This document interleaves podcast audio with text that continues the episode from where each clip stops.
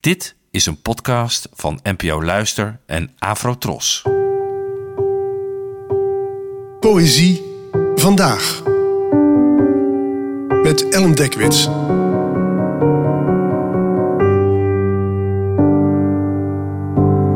Hallo, fijn dat je luistert.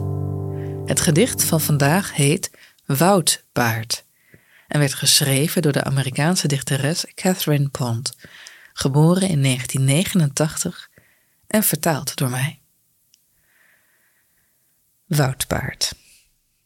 Toen was hij weg, samen met meisjesjaren, als een verschijning.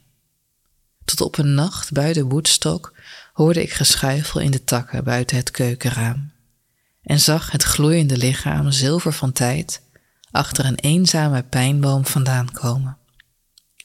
Ik liep door de achterdeur. Koude lucht tilde mijn haar op. We waren zo dichtbij, we raakten elkaar bijna.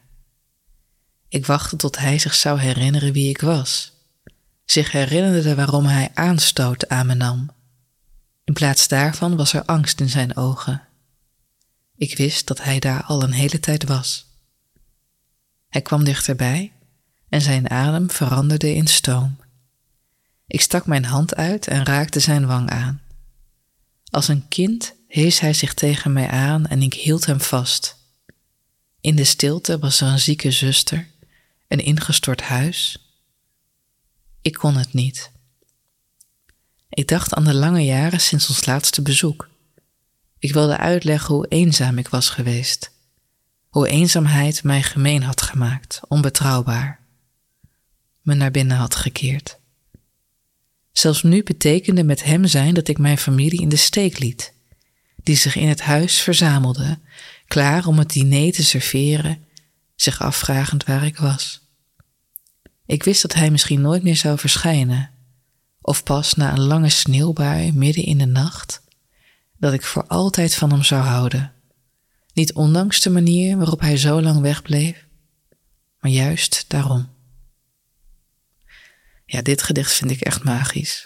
De titel is Woudpaard en in het vers is er sprake, voor mij dan, van een band tussen een meisje en een paard. De ik-figuur blikt terug op meisjesjaren en hoe verbonden ze zich wist met een paard dat, volgens het gedicht dan, verdween. En het is onduidelijk of het dier stierf of gewoon even weg was.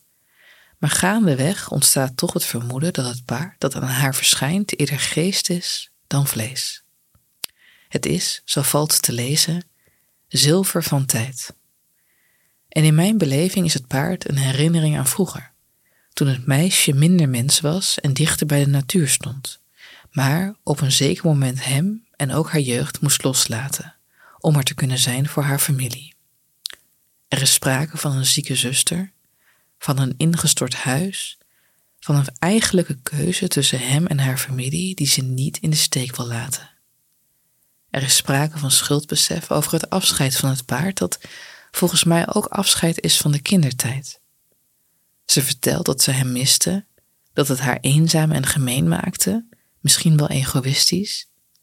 En dan is er de familie die haar terugroept, en het besef dat je soms moet kiezen tussen verschillende dingen waar je van houdt, ook al voelt die keuze zelf niet goed. Omdat het betekent dat je daarvoor ook van een deel van jezelf afscheid moet nemen. En je je haast schuldig voelt als je ook weer van die afwezigheid leert houden. Bedankt voor het luisteren en tot de volgende keer. Afro Tros, de omroep voor ons.